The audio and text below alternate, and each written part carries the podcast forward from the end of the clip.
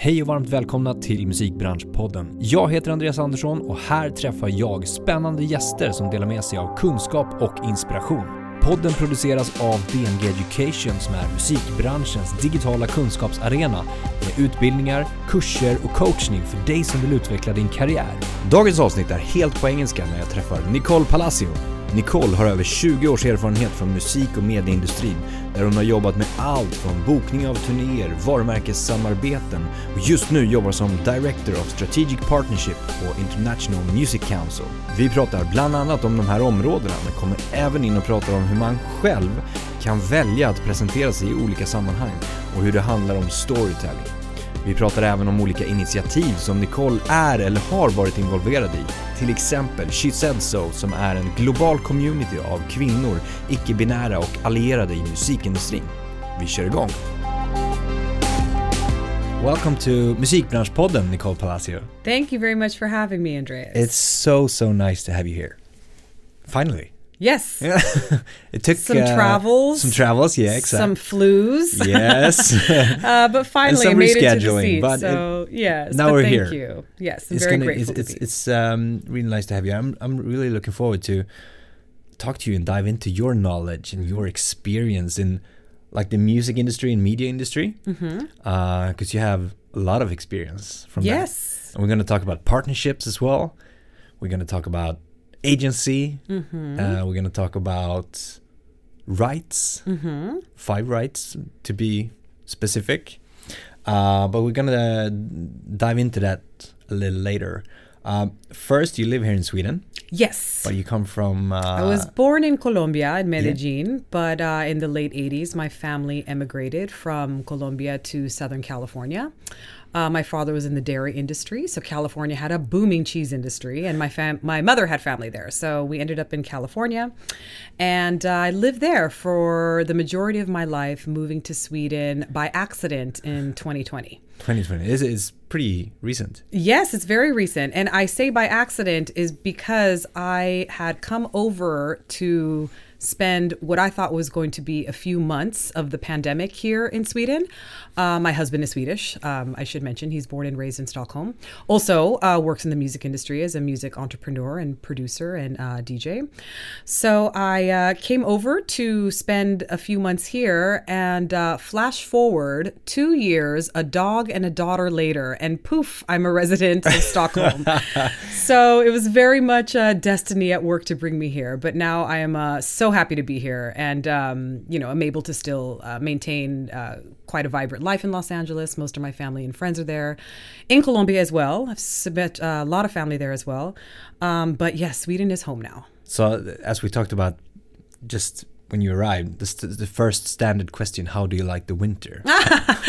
Well, I mean, uh, depends on what day you ask me. Today, it's yes, fantastic. today I love it, and this is something that I really appreciate. Uh, are the Swedens, or the Swedens, the seasons in Sweden, the seasons because in Los Angeles, um, you know, it's one perpetually summer essentially. And same thing in, in colombia. They call medellin the city of eternal spring.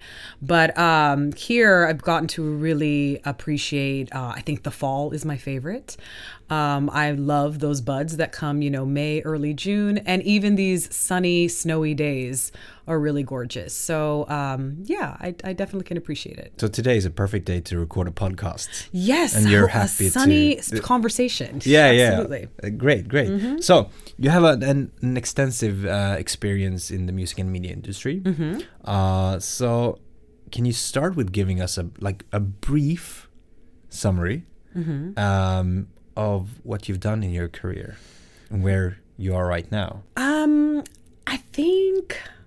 I think I don't, I don't know how far should I? I mean, how, how far back we should I talked go? about that as well. How, where do you start? How do you Right. choose to start? Why do you choose to start with that one? Mm-hmm. And like, it depends on on the situation, right? Yeah. So I think um, if I had to just sum up what I do, it's definitely musical entrepreneurship. And uh, in two specific areas. One is in live touring and you know the live experience of music, and the other area is in uh, brand partnerships and strategic alliances. um, with the cornerstone being, you know, music and the creative arts. So um, my my goal initially when I started working was to work in the music industry. Uh, I had read an article um, when I was, I want to say, 11 or 12 years old in a magazine called Sassy that was then called Jane. It was like the teen feminist magazine of the mid 90s in the United States. And I read an article of a woman who had a career as the marketing director at Def Jam Records. And I hadn't realized that these sort of career opportunities had existed by then. I thought working in the music industry was performance, and I hadn't really thought of the business side of things. But I read about what she did, and I'm like, wow, that's so cool. And so it was also in the line of, you know, how can I make music such uh, an important part of my life without having musical talent? And that goes into uh, working on the business side of things. So Yeah. um, that was a natural trajectory. I went to school and I studied music at the University of Southern California in Los Angeles. I got a degree in business administration and in music. Uh, and I spent several years interning at as many different companies as I could Virgin Records, Universal Music Publishing, um, uh, the Latin American Music Conference. Um, another PR company and settled that live er- entertainment is where I really wanted to be. At that time, I was also really into going to raves and just found the euphoria of a dance floor and just being in a moment.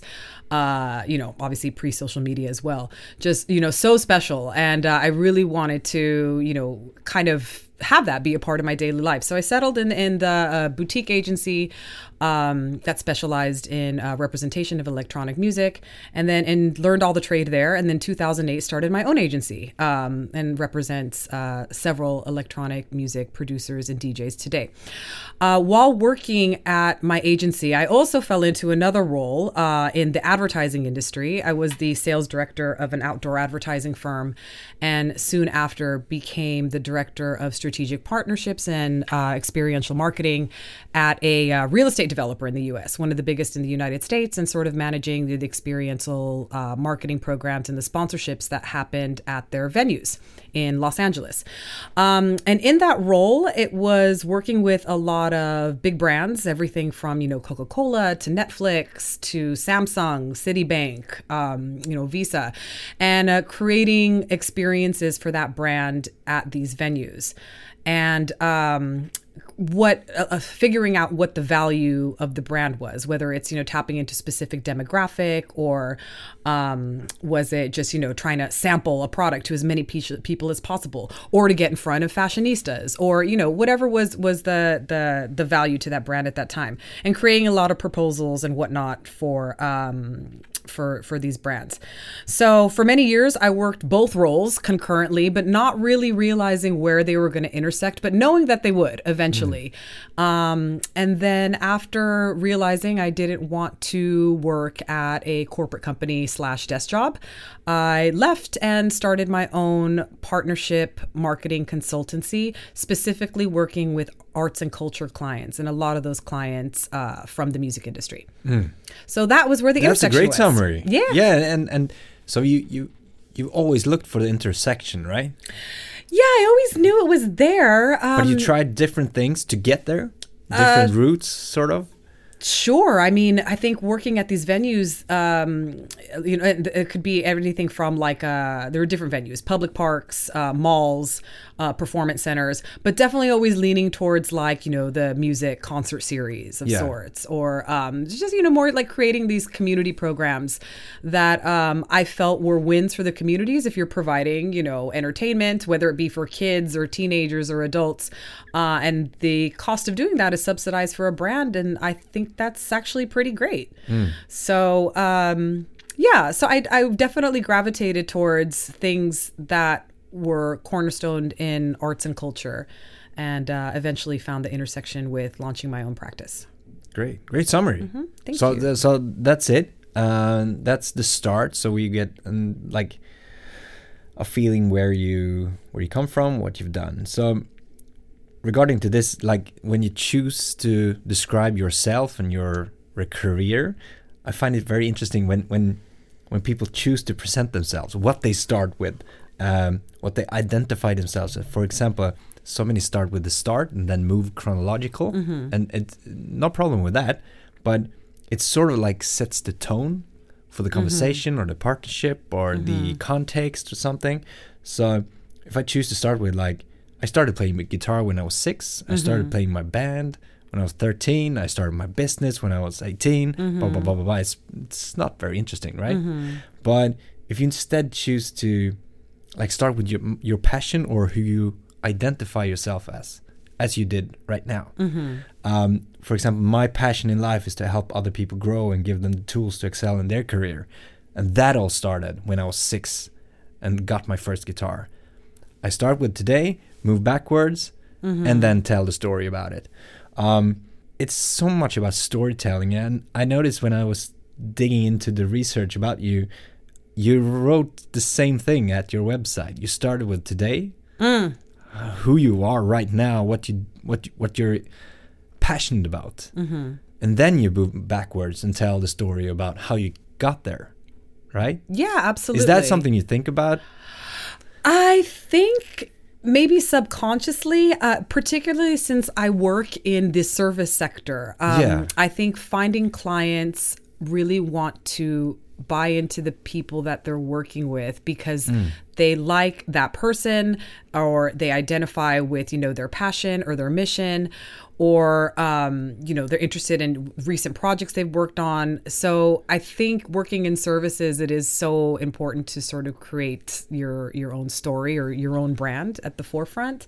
Um, and so, uh, yeah, like you had said in my website, I, I, I do first and foremost talk about, yes, my skills and my experience and my network, but why am I doing this? And I Yeah. think this is a question that everyone should answer on um, on a consistent basis. Ask yourself once a year, every two years, every three years, why are you doing this? And you'll find different answers maybe at different times. So I think um, you know, and, and this is just not in the music business, but in any business, is is aligning one's values uh, to one's purpose slash mission and, and Yeah. aligning the work to those things as well. So um, yeah, so I think uh, initially when I want to uh, maybe approach a potential client, uh, I, I I talk about where why I'm passionate about this, and it's and and that can mean.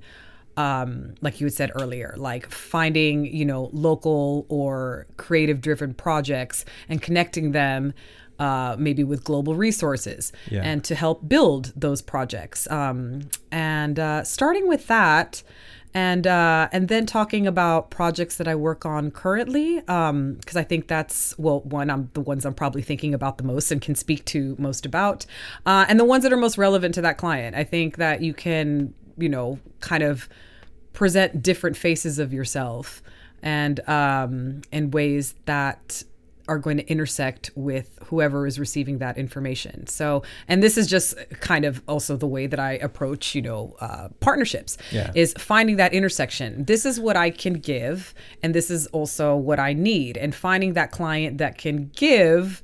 Uh, or that partner, sorry, that can uh, fulfill those needs, and that I can give them something that they need fulfilled as well. And uh, yeah, consistently finding that intersection and uh, growing programs from there. Yeah. So like the values and and the why and the mission is like the cornerstones mm-hmm. to start with, and then you can choose what you present as long as you lean towards those cornerstones, for example.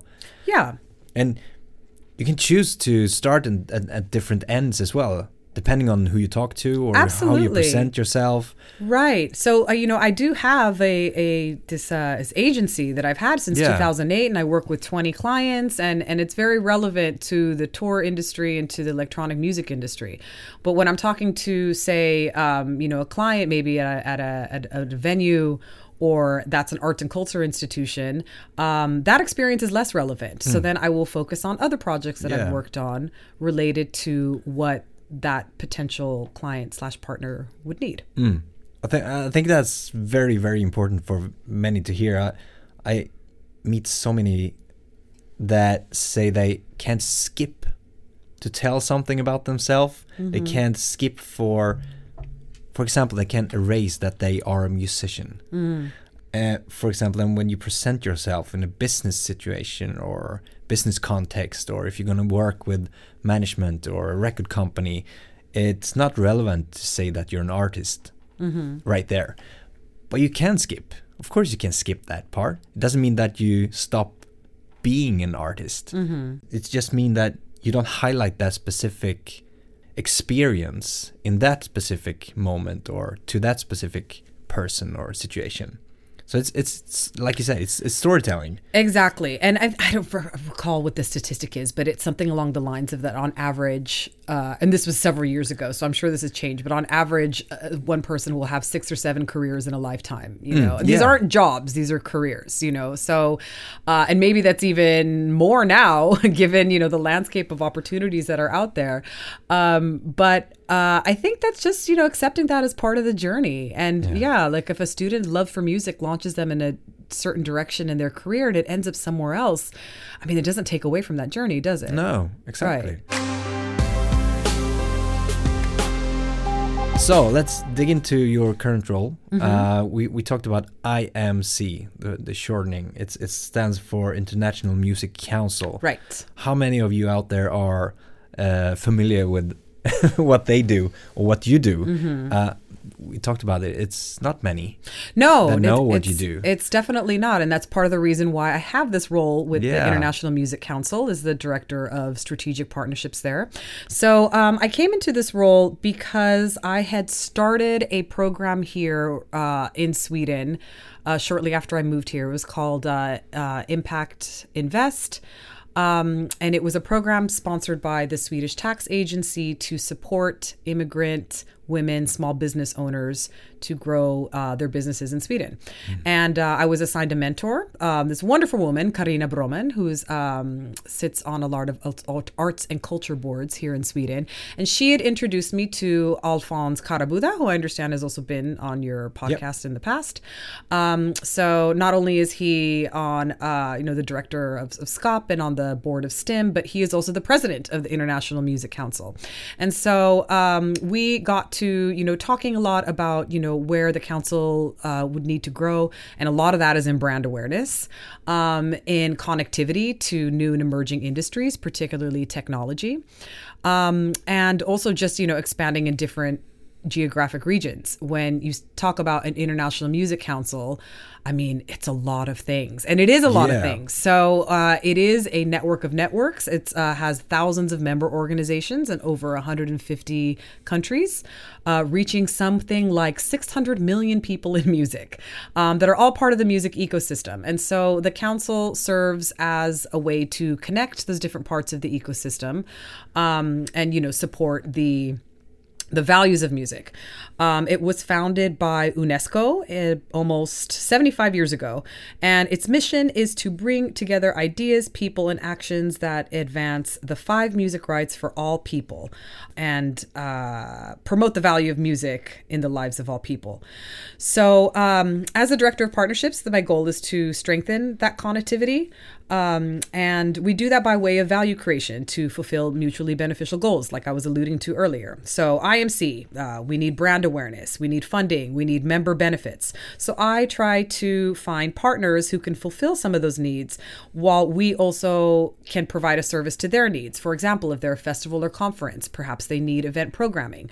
Um, if they're a new technology and they want to launch, say, in Asia or in Africa, we can help with uh, connecting them to the right people to do so. Um, um, so again, it's looking for the intersections of where we can mutually benefit. Uh, and right now, I'm focused a lot in the ever evolving landscape of music technology because there seems to just be, you know, new services, you know, all the time for mm. uh, the music industry and for musicians, and in also festival and conferences. And, and this is an area that I think is um, particularly important post pandemic.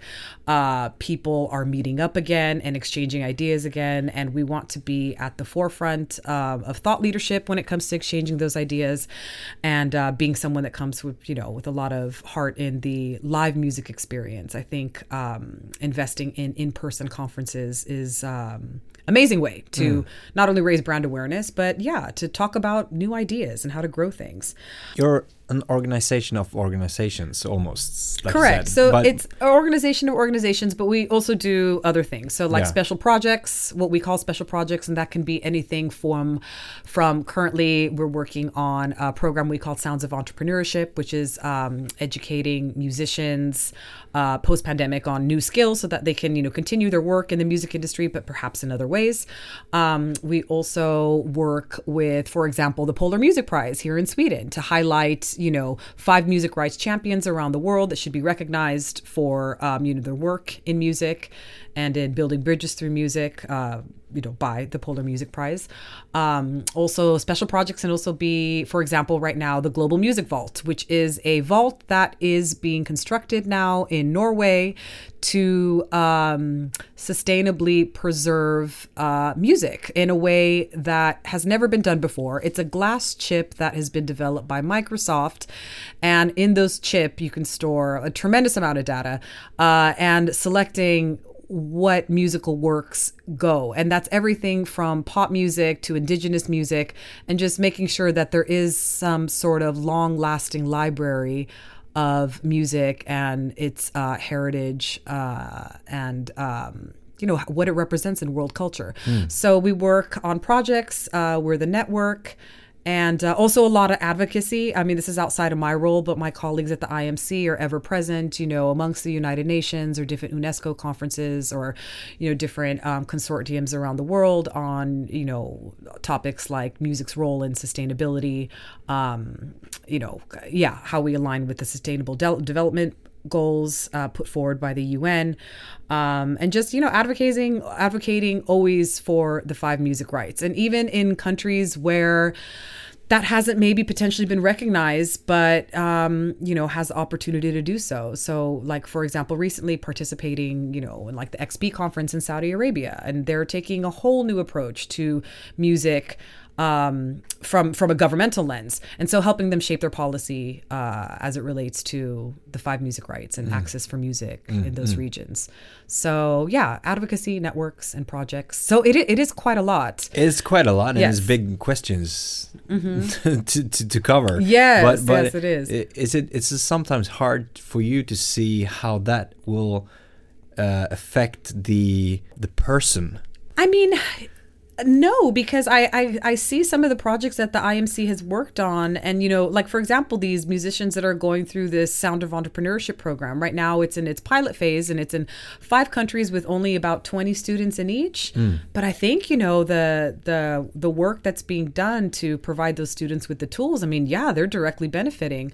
You know, small examples, I guess. You know, big strides, but really affect a small group of people in uh, in a very meaningful way. So um, yeah, I, Yeah. I, I I do see it in action. Yeah. So let's talk about these five music rights. Right, and I have to that- pull this up because yeah, I don't. Of course, me too, me too. so the five music rights. Sure. Uh, there are five different, and the first three, the rights for all children and adults, right? It summarizes the, the first three of them, and the first one to express themselves musically in all freedom. Mm-hmm. Uh, number two is to learn musical languages and skills. Number three is to have access to musical involvement through participation, listening, creation, and information. So that's like for all children and adults. Mm-hmm. What what does these three mean, like for you and, and IMC? Right. So these five music rights, they're essentially uh, modeled on the mission and objectives that were set forth by the Universal Declaration of Human Rights by the United Nations. And this is um, to honor human and cultural uh, rights.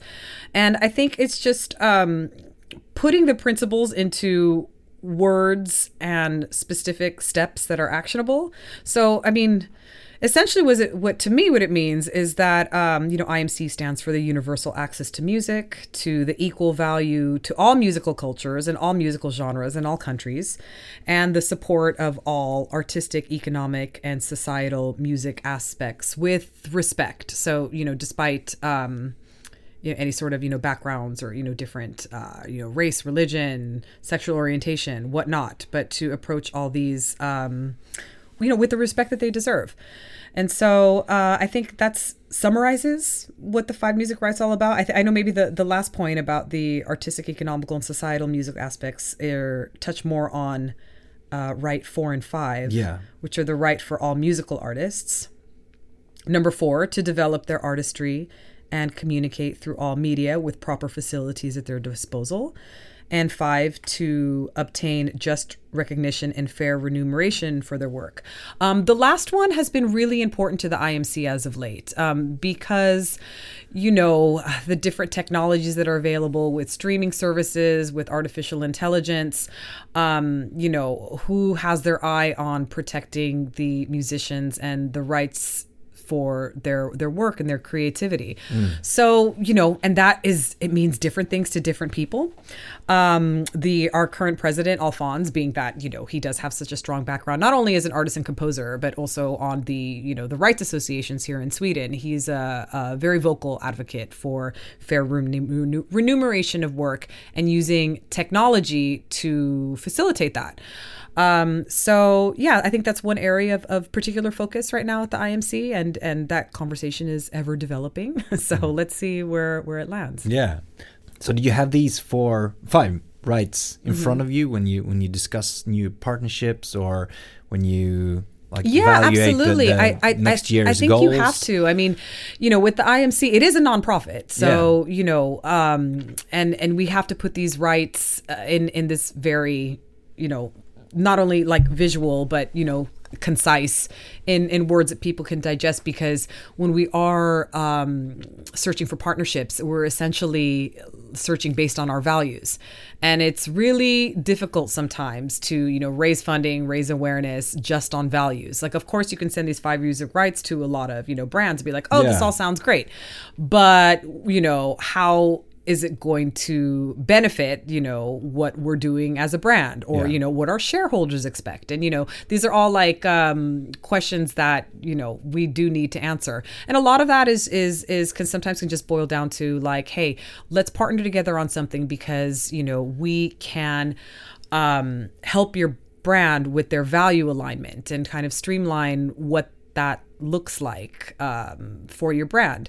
But um, you know it's looks good on paper but in application it's a little more difficult to apply values Yeah. uh, even if they are shared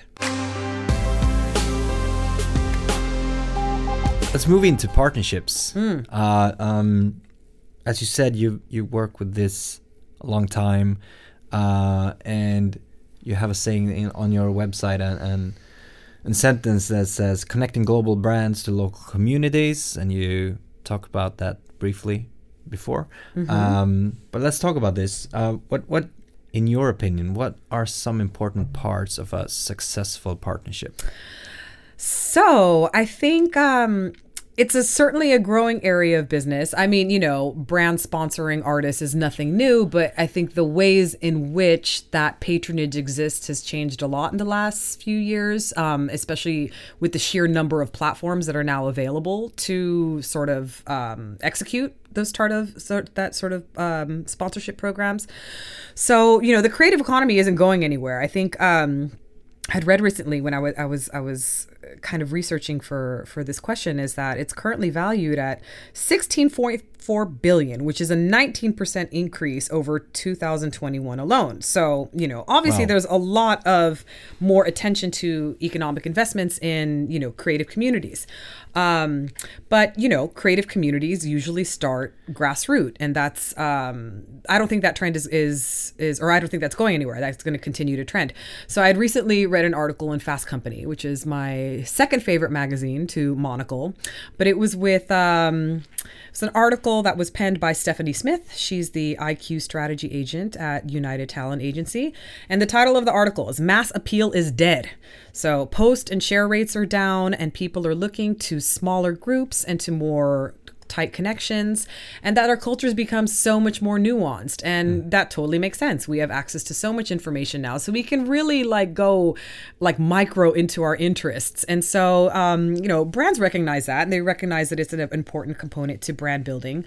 Um, and this especially so in music because music you know it's it's it's an intersection for creative industries So, some good examples, are, or at least what I think are good examples that I've worked on, or at least uh, worked closely with, is um, some brand campaigns um, I've done with um, another partner of mine, Studio Barnhus. They are a Swedish based uh, record label and a DJ trio and also a studio on Barnhusgatan.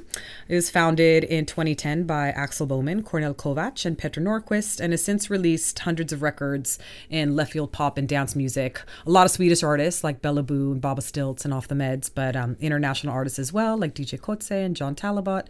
So, um, and it's been regularly recognized, you know, nominated for lots of Swedish Grammys. Last year, they were nominated for the Nordic Council Music Prize. So I would say that, you know, high integrity in terms of, you know, what they've been able to achieve on a musical level.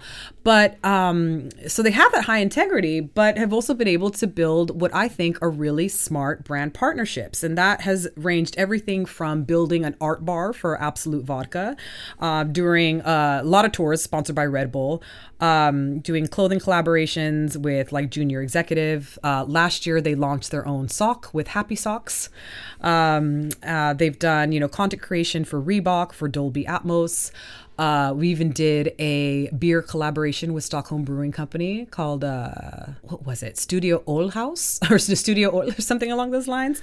So you know these are um, they're collaborations that are you know I think brands like them because they're gateways into the uh, creative scene. You know here in Sweden, here in Stockholm, um, and I think you know the guys uh, having the artistic integrity that they do have been able to be selective with the type of partners they work with and uh, recognize that um, oh, that they want to maintain this artistic integrity uh, recognize brands which which they feel they have alignment.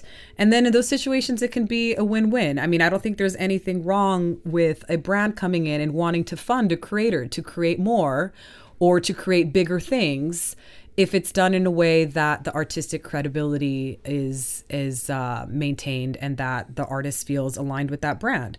So um, again, it's a new type of patronage, um, but it creates really interesting things. And I think, like with Studio Barnhus, they're having a lot of fun with it. Yeah, you gonna you think we're gonna see a lot more of these like oh yeah, ab- absolutely. And, and you know, and also with brands too, particularly on the content end of things. Yeah. You know, like now every brand needs to have you know an Insta, YouTube Mm. channel, you know, their TikTok, and so you know to find other creators that can help supplement some of that um, you know content um, in in a way that's that feels authentic to the creator. I think that's probably most important. You know, I I, I don't necessarily think if a you know an artist works with a brand partner, they're not selling out if they're doing it in a way that feels authentic. it's just you know it's an extension of their own brand. So. Um, so yeah, so I, I I think for sure it's it it can be a way to not only increase revenue streams um, on a more obvious sense, but also to you know build an artist owned brand in in different ways like. You know, yeah. For example, going to the example of the Absolut Art Bar, I don't think Studio Barnhus ever thought they would build out a bar, but now they have the opportunity to do so. Yeah, yeah, And like, how fun is that? yeah. How do you think smaller acts, smaller artists, producers, songwriters can think about like partnerships, collaborations? Should they look for bigger brands or brands in their like similar I would start size? local. Yeah. Yeah. start local within your own communities. You know, like start with like you know your friends that are starting a fashion line, and Yeah. how can you guys help each other out? Or you know, your friend that might is maybe is a chef, and you want to do some sort of like sound and music tasting menu of sorts. Just like start in in small ways and just find the find the intersection. Mm. Uh, and and and I think that will you know that can mutually benefit both you and whatever other industry or brand partner um, you're working with Yeah. So when you set up a new partnership, or when you when you're about to, when you start talking to like different brands, uh, do you have a specific process where you like sit down with the brands and say, "Hey, let's do this workshop, and then we're gonna figure out how we're gonna benefit from this partnership." yeah yeah absolutely. I mean it's always a conversation. You know i can come and pitch all these great ideas but they're not going to mean anything unless that partner thinks that they're good ideas as well. So it always starts as a conversation and uh, really um, trying to understand what the needs are of that brand at the time, and uh, and of course also introducing you know myself and and sort of the um, whatever entity I'm representing, say the IMC in this instance, and uh, trying to see where those needs intersect, uh, and then creating a proposal. So, in a proposal, it doesn't have to be anything that's like so complicated or precious. It could just be, say, maybe you know, three pages in a deck that talks about you know your organization and um, what are the deliverables, like what are the specifics that that brand is going to receive from you. What are the benefits, the partnership benefits, uh, like essentially telling the brand why they should do this, and then um, leave it open to a follow up conversation. Like, hey, here's a start for you to really think about what the possibilities are here. Let's refine this on what you think works best for your brand, and then refining to maybe a second proposal or a third proposal or something along the lines as to when it feels really right like it's it's sort of hitting all the marks uh, of that intersection of mutual benefit Yeah. Yeah Let's move on. sure Um, so you do a lot of more things as well, more initiatives yes that you are i keep involved my with. cup very full yeah, we're gonna talk about how you prioritize your time later on as well. Mm-hmm. But um, she said so. Uh, it's described as we are a global community of women, gender non-conforming people, and allies in the music industry. Mm-hmm. And that started in the U.S. No, right? it started No? in London. Yeah, London. Uh, yes, so it started in London in 2014. Um, the founder, uh, Andreea Magdalina, and um, she she also uh, comes from the electronic music background, and uh, she started She Said So locally, but since it's it's really taken off, I want to say it's like it's definitely over 20 global chapters and over 12,000 members um, all over the world. Yeah, and when you say chapters, it's it's The chapter based on- connected almost. Uh, yes. So a chapter, for example, the Swedish chapter Yeah. or the Los Angeles chapter. Yeah. And so, yes, so it's all, you know, uh, tied into some sort of geographical region. But it's, uh, you know, welcoming people of all different backgrounds in in the music industry. So um, I was a member in Los Angeles and I found like the resources and the network were really great. You know, they were holding uh, workshops on, you know, goal mapping to, you know, um, financial planning for the future to, you know, artist marketing. Um, and it was just a great community touch. And, um, you know all built on on the mission yes to connect and to empower underrepresented communities toward a more equitable and intersectional music business for all. So um, i was really happy with uh, the the work in la and then when i moved over to sweden i was you know looking for different uh, i was looking for more community here specifically in the music industry. Um, of course for me there's a, the language gap uh, as i do not speak swedish yet. And so i wasn't able to find a whole lot uh, and so then I contracted uh, Andreea, who at the time was living in LA as well. So so I, I knew her from um, you know the LA chapter, and said like, uh, hey, you know, do you know any other networks in Sweden that could potentially be um, you know a, a part of? And she said, well, why don't we start like a Swedish chapter? And she connected me to Dina Leiberg, so who is Swedish, but Dina was a member in the London chapter and had also recently moved back to Sweden. And so Dina and I got together and we decided, sure, we're going to start this chapter, um, you know, set the wheels in motion. Um, and, uh, you know, we really thought, or no, we do really think that this could be something really powerful here in Sweden. I, I think, you know, the music industry in Sweden is, is quite unique that, um, you know, Sweden is a global leader in music technologies, um, also in musical hardware. It's also a huge creative hub for songwriters and producers. I mean, everything from ABBA to Ace of Base to Avicii. I mean, it's it's all here, and so it's a unique platform to make some interesting strides. Not to mention, it's already made tremendous strides in gender equality. So you know, how can we use that as a model for you know other chapters in a way? And so. Um, so we launched the chapter here, you know, with the, the same mission, um, and just started to, you know, brainstorm what are some educational and inspirational events, both online and offline. Um, where can we provide mentorship and network? You know, how can we highlight member achievements or uh, job resources? Um, or accomplishment, accomplishments of our allies? Um, are there any other companies that we can collaborate with on diversity inclusion campaigns? You know, she said so as a global organization has worked with, you know, Patreon and TikTok and YouTube Music and Sonos, like a, a lot of pretty big brands. But how can we do that on a micro level here in Sweden? Um, and uh, yeah, launch the network and you know started small, but I, I think there's there's a fair amount of members now, maybe close to like a hundred.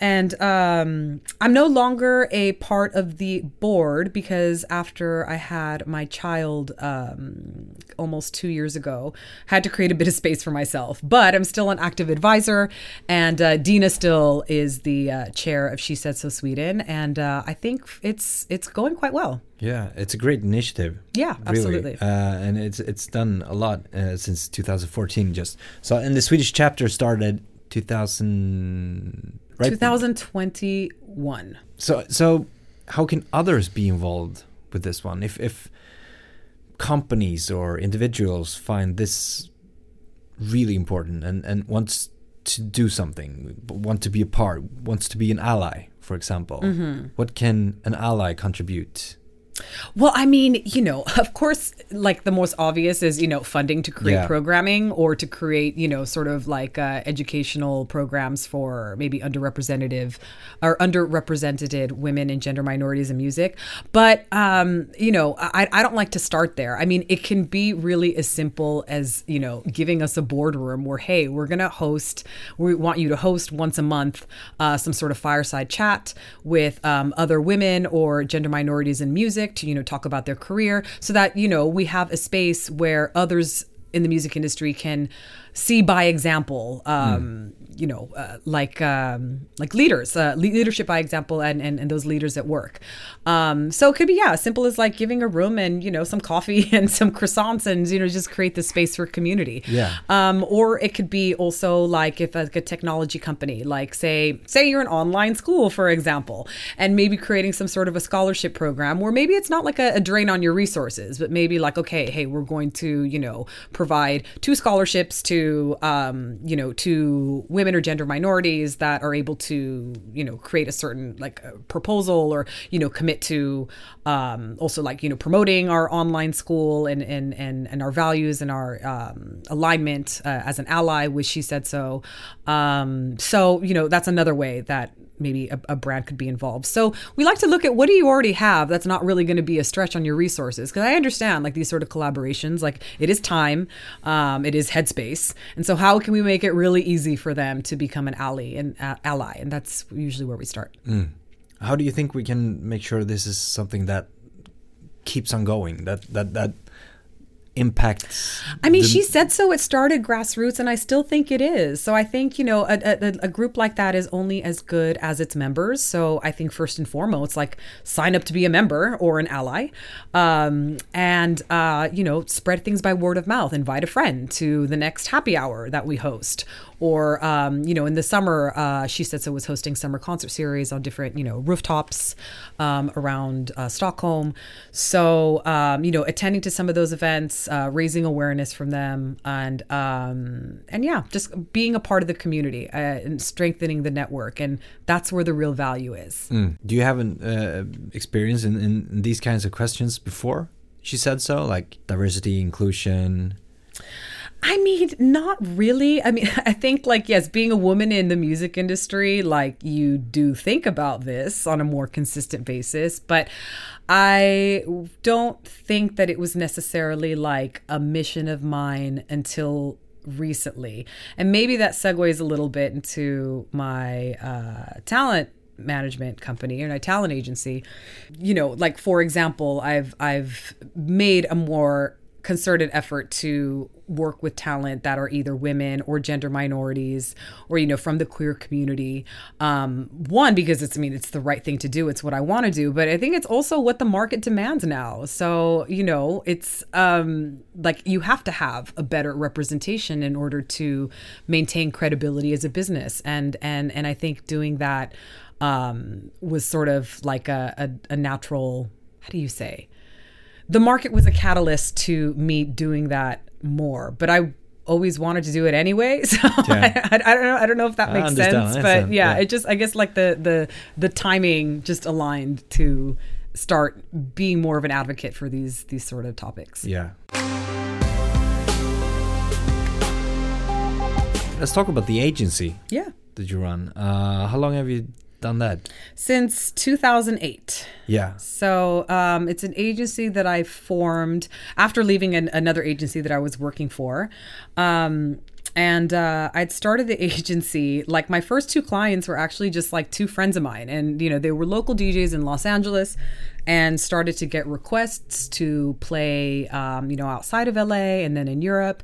They knew that I had experience on, you know, running a talent agency, and asked if I would start working with them, and I said, yeah, sure, of course and um, you know with the first shows being like quite small. But um, gosh it ended up just like really taking off like after a couple years. And uh, working with these american artists i was uh, touring them a lot in europe and asia. I mean you know 50 countries on all continents. Uh, we were organizing tours.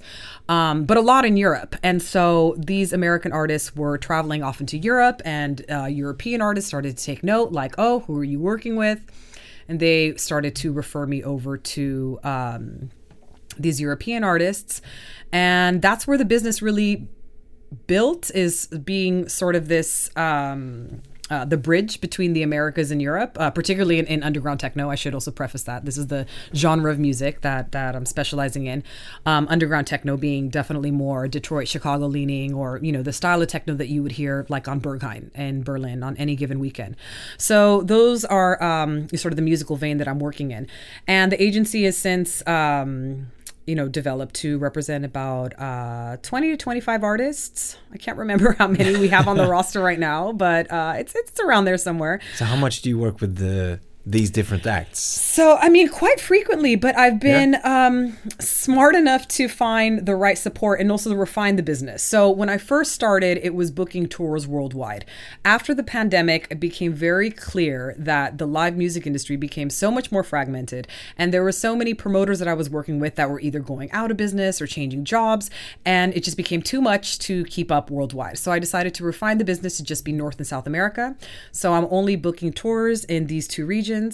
Um, and then also, like I mentioned earlier, having uh, more a focus on female and queer artists. That was, you know, a, what I wanted to do. Uh, so very much a conscious choice, but it was also a result of, of market demand. So um, the agency is it's it's you know since it's been around for a while, it's very manageable in terms of the workflow. And I also have really good support for it. Um, all of the people that I work with um, are all women, and they're all minorities as well from different backgrounds. Um, so I have Fanny, who I work with in Sao Paulo. She manages all logistics, and Nishan, who manages all the bookkeeping. Um, I've had, you know, some interns help. Um, I also have some other agency partners, like uh, agents that I work with in Europe or in the US, that we can kind of support each other on different tours. So, um, been able to set up the support system there where um, running the agency also allows me to have time to work on these other partnership Yeah. projects. And Yeah. she said so and whatnot. Um, and also, yeah, a lot of that also like funnels into the type of clients that I work with. You know, I, I think as I see it, a lot of my artists are my business partners. You know, they're not like paying me a, you know, set fee for, you know, the services that I provide for them. Like I get a percentage of their earnings. And so, um, so uh, kind of looking at to clients that already have a viable business that together we can help them grow that business, not necessarily start that business, but grow an existing business to curate a demand that exists, to create new opportunities between both of our networks. And um, we do that together. And um, I also see the promoter as our client, even though I am hired by the artist, the promoter is sort of the patron here. They are the uh, individual or group that is paying for services. So, how can we also make this? Um, you know, a viable business for the promoter. Um, I hate this idea that agents are just out for money and and yeah, that or like an agent is just going to, you know, create a new tour schedule for an up and coming artist. I mean, certainly maybe those things happen, but definitely not in my approach. I mean, I also see with the promoters if they're not making money, my artists aren't making money. Like they need to have a viable, sustainable business too. And I, I, I think that's kind of what it boils down to is, is sustainability. That, you know, I would rather work with a promoter consistently building fees over several years than going for one big cash grab and that promoter loses mm-hmm. money. And guess what? They're never going to book my artist again. Yeah. So I think building sustainability over time, where those artists can always count on having, you know, a good tour in North and South America um, is really important. And a lot of that is, yeah, making um, making good business deals and and developing smart relationships. You talked about having a business, having traction as an artist before Yeah. uh, entering a, a, a yeah start working with an agency. So how much traction are you looking for as an agent in in an artist? How much should have should you have done? are you already getting paid for your work? And I know that sounds, you know, maybe simple, but I mean there there are many artists that, you know, will maybe be uh, for example, DJing at bars at weekends for drink tickets or Yeah, for a guest yeah. list for their friends, and and that's fine. And you but get a percentage of that one. Yeah. it's not very not really you know and, and you know i also have to be you know smart with the use of my time too Yeah. so i think like are you already you know be, is it already you know uh, remuneration for your work. Um, and also like what does the demand look like? And and that doesn't mean to be the sense that like okay no you, you, you know you're getting calls to you know dj every single weekend. It could just be like hey you know maybe you've really built a name for yourself amongst you know like a certain community you know like the afro-cuban community or you know the queer community something along those lines where there's certainly growth Yeah. uh, in relation to you know that community. Um so something to keep building on. correct. Yeah. correct. Um also does that artist have um you know are, are there is there sound and do we have compatible networks so to speak? So you know sure i work in electronic music but you know if some drum and bass dj hits me up for representation representation i'm not going to be able to do a damn thing for them because i don't work in that world. So where do our contacts intersect you know and how can i use my contacts to help that artist and so I think kind of looking looking at those things first and foremost are are the most important. Like yeah, like I said, I don't think an agent's going to, you know, create a career, but they will help curate a career and they will help open new doors or um, you know, yeah, create new opportunities. Yeah. So as we talk about all these different projects, uh, all these different things that you do, the, the the question that comes to mind is, and how do you prioritize your time? How do you choose which progress projects to work on? Right, exactly. Um, I think the you know most importantly is just have an honest conversation with myself on like the value alignment Yeah. uh, of my values and how they align with that work. Um, and that can really change over time. So, you know, to give you an example, um, you know, when I started my booking agency, one of the biggest benefits of that role was being able to travel with the artist, you know, from Beijing to Buenos Aires to Berlin. It was really fun.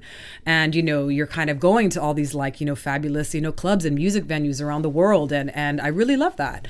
Um, but, you know, now, um, like I'd mentioned earlier, I have a, a young daughter and um, I can't jump on the plane as, as much as I used to, and uh, and also too I don't want to. I, I don't want to have the same sort of late nights or you know as hectic travel schedule.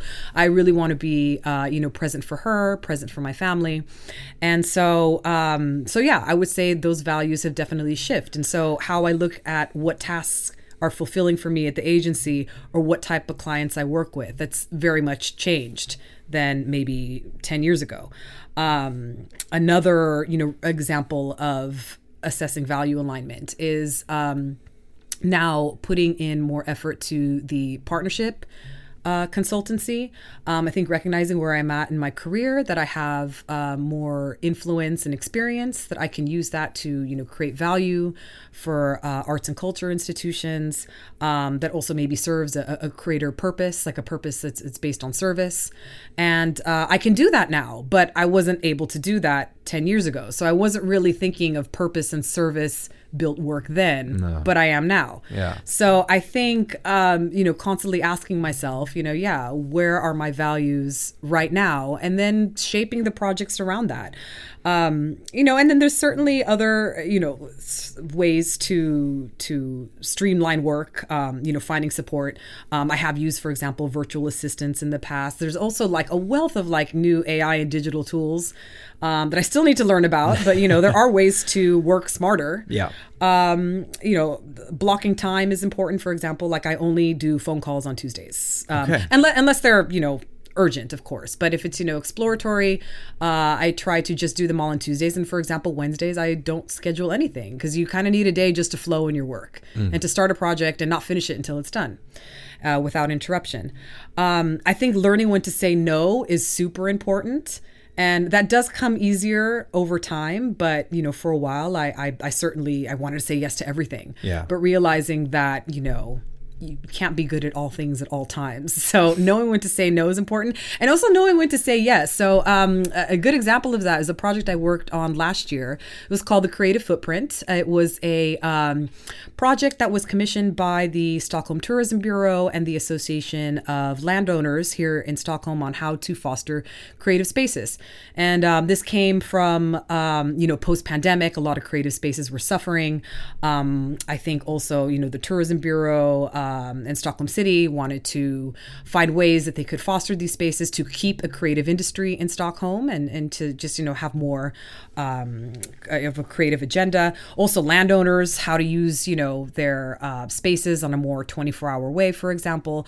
So um, this study was creative footprint was created by uh, VibeLab. It's a company out of amsterdam and berlin headed by the former night mayor of amsterdam and uh, the head of the berlin club commission.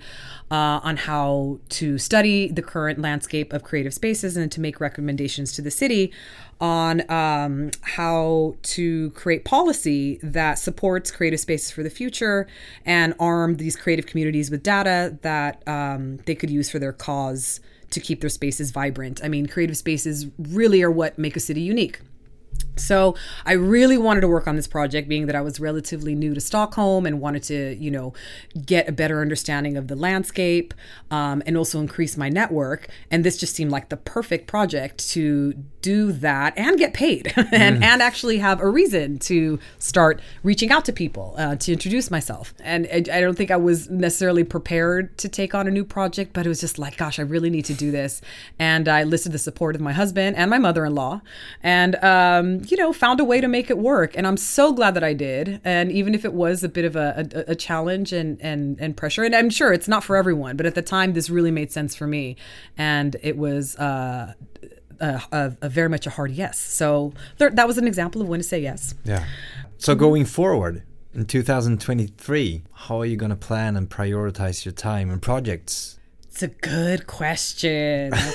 um, well, other than the kind of what I've already touched upon, um, I think one of the biggest things, and this kind of goes back to value alignment as well, is that you know you are your own definition of success.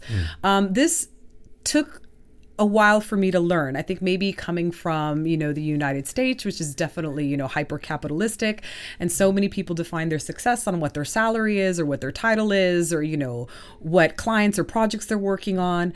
And to unlearn that and just to know that actually what's authentic to me is in is what I find successful is owning my time, being able to select what projects I work on, um, and even being, you know, being able to be open. You know, like uh, sure, like I, I work in musical entrepreneurship, but like if the right full time job came around where I thought, felt it was really aligned with my values, and sure, I'm I'm all for it.